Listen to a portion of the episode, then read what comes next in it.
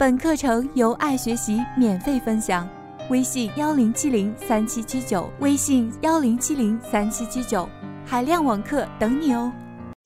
Hello，小伙伴们，大家好！翻转思维导图，终身学习，成为自己。我是您的高端个人成长教练托尼。今天和大家分享时间管理当中一个非常重要的环节，叫做周回顾。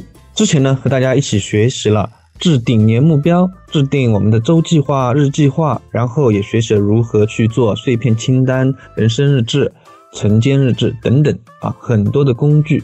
那么如果说这些工具是在时间管理这块田野当中播下种子的话，那到了今天，我们做周回顾。就是到了一个收获的季节，从某种程度上面来说，如果你不做周回顾，那么你以上所有的辛苦都会大打折扣。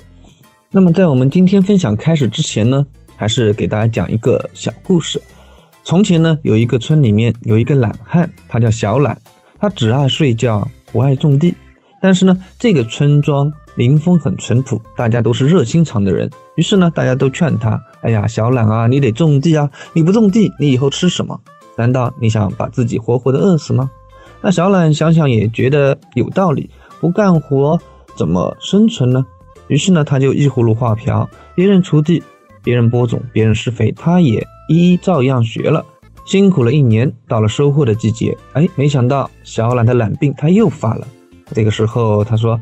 算了，反正我那个麦子长得也不怎么样，算了，我懒得去收了，还是睡我的大头觉吧。有的人可能会说了，怎么会有这样的人呢？这个故事肯定是你杜撰的吧？是，这个故事的确是我瞎编，也不怎么精彩。但是呢，大家想一想啊，我请大家思考这么一个问题：如果我们花了很大的时间啊去学习，比如说我们现在学的时间管理，做了这个清单、那个清单啊，写了日志等等，很多很多的事情。但是你不去做周回顾，你不去收获在这些事情当中所蕴含的知识、经验、感悟、灵感，那么我们和小懒其实本质上好像也没有什么不同吧？那我想跟着我们的课程一起学习啊，到了这个阶段的小伙伴一定都是勤劳的农民伯伯了。那我们这些勤劳的农民伯伯到这个季节到底能收获什么呢？我觉得在这个季节呢，我们至少能收获三个点。第一个周回顾能够帮助我们调整目标。周回顾它既能够让你看到上面一周的行动和之前你制定目标之间它们有什么关系，同时呢还能够帮助你，你根据现在的这个状况，哎，去再去看到你的目标，去调整你的目标。第二个周回顾能够让你看见成就。你可以看一下自己一个星期到底做了多少让自己有成就的事情。有的时候呢，不回顾你根本就不知道，原来你自己其实也是很优秀的。你看看如此优秀的你在这一周当中有没有得到更好的做事的方法，能不能让你更顺利的到达目标的那个彼岸？你有没有反思出宝贵的经验教训，让你以后在同样的地方？少掉坑。第三个周回顾能够帮助我们去获得一些幸福感。幸福这个词听起来就感觉甜蜜而令人向往，应该是很多人的终极目标。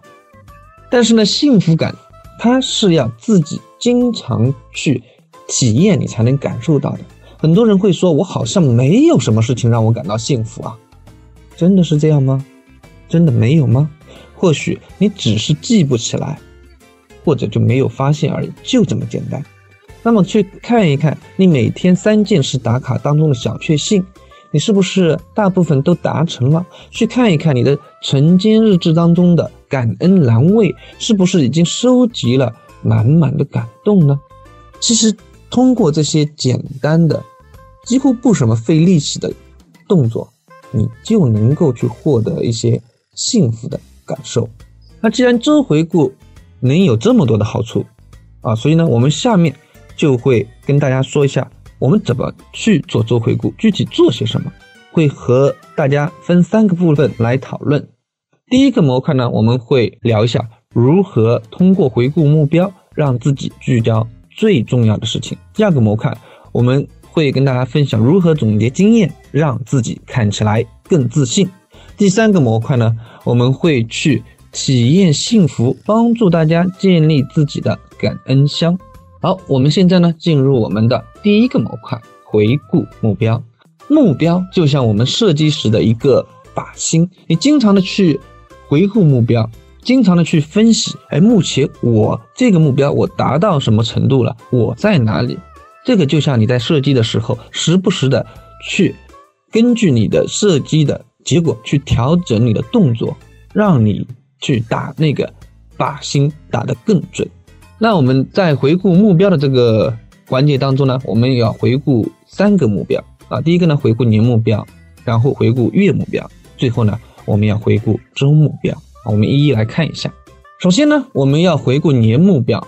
我们主要的目的之一就是让我们的行动和我们一开始大费了那么多的力气定出来的年目标之间去牵出一根细细的线，让你知道你的努力呢，其实就像一支箭正在飞往那个你心之所向的靶心，也就是你的目标。这样你才会知道，哎，我今天做的这个事情跟我想要的那个东西之间，它到底有什么关系？这样你才会有继续努力下去的动力。这里面呢，我给大家设置了一个核心的问题啊，我们都可以在回顾年目标的时候问一问自己：这一周我到底做了哪几件事情，它是有利于我的年目标？第二个呢，我们来看一下回顾我们的月目标。那我个人在一个月这个单位呢，我是不做详细计划的，但是呢，我会把。当下这个月最重要的三个目标写在我们晨间日志当中目标栏位啊，比如说这个月啊十一月我的最重要的三个目标，我写的是完成高效落地时间管理训练营。那么线下呢要去讲一个思维导图的公开课，然后免费节目出品四个，不用多，其实三个就够了，三个呢也能够让你足够的聚焦。看一看这个星期我们为这。三个月目标又做了什么努力呢？最后呢，我们要回顾我们的周目标。那这个地方呢，是一个要强烈需要敲黑板的地方。具体步骤呢，分为三个步骤。首先呢，你要拿出我们之前制作的周目标导图。第二步，你要看一下你定的那些目标都有达成吗？啊，如果有达成，那就在上面打一个勾。第三步，如果没有达成呢？你最好也要写上你现在进展的状况是什么样。那未来呢？我们会去分析啊，你没有达成的那些项目，它到底是什么原因？怎么办？那这个地方呢，暂且跳过。好，以上呢就是我们第一个模块回顾目标的部分。先回顾年目标，再回顾月目标，然后呢，最后重点的部分就是要去 check 你的周目标，看一看周目标当中每一个子目标是否达成。接下来呢，我们进入第二个模块，我们去总结经验。那这个部分其实操作起来非常的简单，但是有一个前提，你之前自己是做晨间日志的。如果你也有做呢，你只需要把前面一周晨间日志当中关于成就这个栏位的内容，把它全部汇总到一个单独的笔记文件当中。很简单，就是复制粘贴。这个过程呢，又给了我们一次。重新看见自己成功事件的机会，让你自己也知道哦，我原来做了这么多有成就的事情。那通过这种方式，每一周不断不断的去夯实你自己的自信心。我在跟大家交流的过程当中，很多人都会跟我说同一个问题啊，都说我自己好像什么都干不了啊，我真的没有什么成就感。那么如果你也是这样，你真的该从今天开始就好好的去做这个事情了，做周回顾，去总结你自己的成就事件。那这个部分，我们最想要达到的一个目标就是，我们希望能够通过长期的做这个回顾，在我们的成功日志当中去找到一些能够指导我们自己行为的外部工具。什么意思呢？就是说，在你这一周你做这个成功日志回复的时候呢，你一定会看到一些你自己有成就的事情。那你可以看一看，在经历这些事情的过程当中，你有没有办法去挖掘到一些能够指导你未来行动的一些 SOP？有没有去找到一些让你做事情更加轻松的检查清单？这样的东西。它是对你长期有效的。就拿我自己举例来讲，因为我现在做的最多的事情呢，可能就是做内容，然后跟大家分享。那很多时候，我就会在我的成功日志当中去发现，哎，可能是我做 PPT 啊，我自己做出来了一个 S SOP，做出来了一个制作 PPT 的流程，也有可能我做出来一个制作课程内容的检查清单。那这样的东西，你看，我一旦把它做出来，后面只需要不断的去优化，我以后做事情就会越来越轻松啊。比如说，我现在做这个课程的文稿，我自己是有一个检查清单的。那我只要对着那个检查清单，每次去对照我的课程内容，我缺什么我就去补什么，不会像之前一样从头开始。所以呢，这种检查清单，知道你行动的 SOP，就是你成功日志当中精华的精华，一定要把它挖掘出来。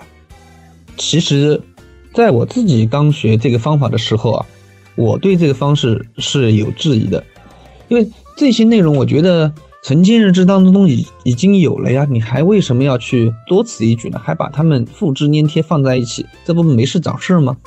后来其实我发现，这是有道理的，因为你把它们放在一起是非常有冲击力的。当你感到自己成长停滞不前的时候，你就把这张成就日志清单拿出来，你看着上面满满的一条一条，全部是你自己真的亲身做过的成就的事件，你就会感觉哇。好像写了几个大大的字，某某某，你好牛啊！那这个时候你会不会觉得充满信心、充满斗志呢？愉快的给自己打上一针鸡血吧。那我们人活着，光有成就也不行啊。我们还有一个重要的东西啊，我们要让自己体验到幸福感。那这个呢，就进入到我们第三个模块，如何去体验幸福，建立自己的感恩箱。方法也是同样的简单，如法炮制，还是把自己晨间日志当中关于感恩这个栏位的内容全部重新汇总到一个单独的笔记文件当中。那我们做这个事情的目的呢，就是希望提升我们自己内在的能量。那刚才成功日志是得到一些外在的工具帮你高效，这里是提升你内在的能量。让你拥有更多的心理能量去支撑自己的成长。我们每一个人说白了，大家都是普通人，你肯定会有内心能量不足的时候。有的时候感觉没人疼了，有的时候感觉没人爱了，甚至有的时候感觉都没人要了，很正常。那这个时候呢，一定记得去翻开你的感恩日志，这一份日志还留有着你当初感动的余温。其实这个方法呢。我自己也会经常偷偷的去用啊，那么有的时候感觉心情不好啊，或者自己很莫名低落的时候，看一看这个感恩日志的清单，你就会觉得，哎，有一股暖流注入了自己的身体，帮你度过那些孤独的寒冬。好的，那以上呢就是跟大家分享了我们在做周回顾的时候具体要做什么，步骤是什么。下面呢，我跟大家说一下，我们这个周回顾在做的时候呢，有一些注意的事项，你一定要去提前注意到。第一个呢，就是我们做周回顾，建议只对过去的一两周内容进行回顾复盘，你不要太纠结于久远的过去，一个月之前、两个月之前过去的就让它过去吧，从现在开始。第二个呢，我们在做回顾复盘的时候啊，不要去掉入细节，先完成。再完美，因为有的小伙伴就希望第一次做回顾复盘的时候，就希望满满的收获，啊，满满的感恩。即使你一开始没有达到这样理想的效果，也没关系嘛。即使你只是得到了一个真正的能够持续影响你未来的收获，啊，真正的找到一件打动你的感恩事件，也非常有意义了。第三个注意事项就是，别太逼自己。如果你实在觉得抗拒啊，你不想一周回顾一次，那就两周回顾一次嘛。两周不行，一个月也是可以有的。那总比你不回顾要好很多吧，对吧？因为我们这种回顾复盘呢，终究它是有点逆人性的，很辛苦。但是呢，做了比不做好很多。还是那句话，积极的行动可以打败满嘴的大道理，抓认知。所以呢，我也希望我和大家一起加油。回顾复盘起来，希望呢我们能够从自己身上去挖掘出更多的宝藏。好的，那以上呢就是分享的主要内容。我们今天主要讲了三个部分。第一个部分呢，我们回顾我们的目标、年目标、月目标、中目标，通过这个方式，让自己始终聚焦在最重要的事情上面，不要让一些杂事带跑我们自己的人生节奏。第二个模块呢，我们讲了总结经验方法，很简单，就是汇总自己成功日志。那我们的目的是通过这种方式，让自己找到更加高效的外部工具。还记得是什么吗？比如说 SOP，比如说检查清单等等。那第三个部分呢，我们给大家介绍了一个方法，去体验幸福。通过把自己的感恩日志汇总起来，去建立自己的一个感恩箱。在低落的时候，它能够给你内在的能量，支撑你继续成长，继续前行。今天呢，也给大家留了一个践行的作业。希望你在听完课程之后呢，去安排一个不被打扰的时间，然后呢，按照我们今天讲的方法，对上一周做一次周回顾。回顾完了之后呢，我们很期待你能够分享你自己一个上周最有成就的事，或者呢，最让你感恩的事情。好的，恭喜你又获得了一项新的技能——翻转思维导图，终身学习，成为自己。我们下期再见。本课程由爱学习免费分享，微信幺零七零三七七九，微信幺零七零三七七九，海量网课等你哦。